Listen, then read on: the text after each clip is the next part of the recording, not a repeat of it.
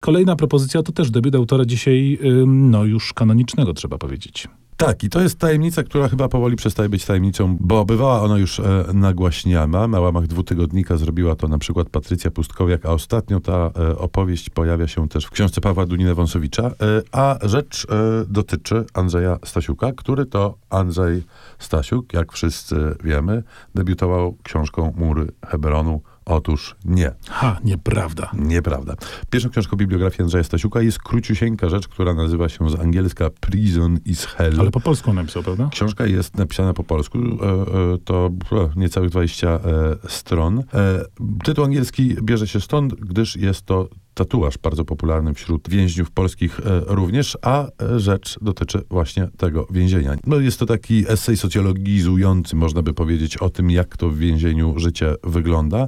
Natomiast jest tu sporo, myślę, stasiukowatości, które e, fani autora na pewno rozpoznają, a które w późniejszych jego książkach pobrzmiewały pełniejszym głosem.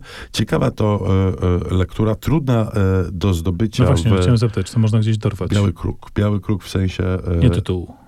Tak, biały kruk w sensie wydawniczym. Natomiast książka jest e, w całości do przeczytania w internecie. Widziałem ją na mm, mm, stronie internetowej e, niedawno. E, kończy się ta rzecz takim wstrząsającym stwierdzeniem, że więzienie nie jest skazaniem na karę, więzienie jest skazaniem na zbrodnię. Ha. Y, w Prison is Hell Stasiuk zaczyna już tak pączkować. Jest już troszkę taki Stasiukowaty, jeszcze nie całkiem. I podobnym przypadkiem jest y, pierwsza książka naszej absolutnie ukochanej autorki, czyli Towy Jansson, wymawianej poprawnie Tywy, ale ja się nie nauczę.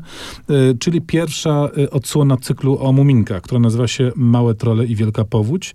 Dla polskich czytelników ta książka długo pozostawała kompletnie nieznana, bo ona się ukazała po raz pierwszy w 1995 roku, czyli grubo, czyli grubo. na samym końcu. Tak, grubo, grubo po tym, jak te wszystkie inne części muminków były wydawane i to wielokrotnie i obdarzone kultem. I wiedzieliśmy o tym, że taka część w ogóle istniała.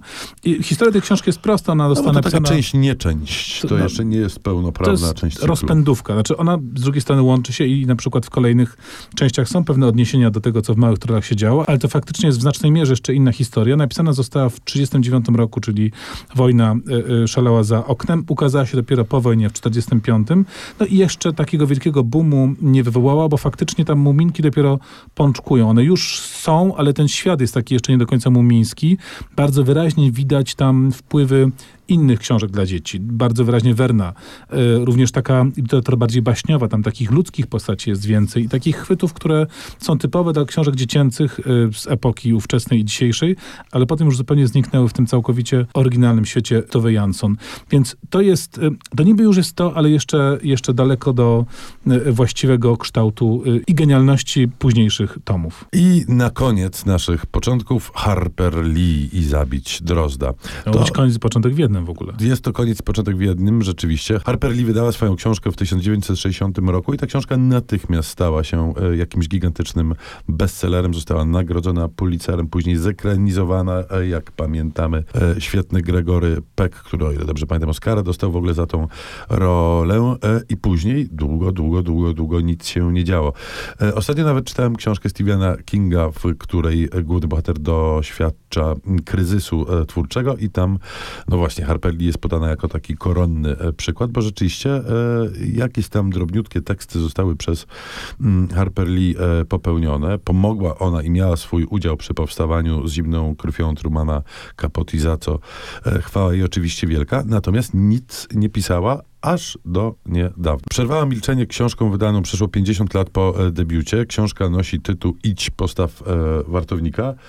To jeżeli minęło 50 parę lat, to moim zdaniem to jest jak, to się liczy jako debiut znowu. Kolejny debiut. Czyli Harper Lee e, ma na swoim koncie dwa debiuty, Aczkolwiek ten drugi debiut też był owiany pewną kontrowersją. E, podejrzewano mianowicie ze względu na bardzo już podeszły wiek autorki w momencie publikacji, że została ona napisana przez kogoś innego. Tu na przykład padło podejrzenie na Trumana Capote. Jakoby on miał tą e, książkę popełnić wcześniej. Naukowcy z Instytutu Filologii Angielskiej Uniwersytetu Jagiellońskiego poddali obie pozycje autorki bardzo dogłębnym badaniom i okazało się, że nie ponad wszelką wątpliwość idź postaw wartownika wyszła spod pióra e, Lee i jako e, Mastaka stała się jej drugim debiutem. No, albo obydwie wyszły spod pióra Capote.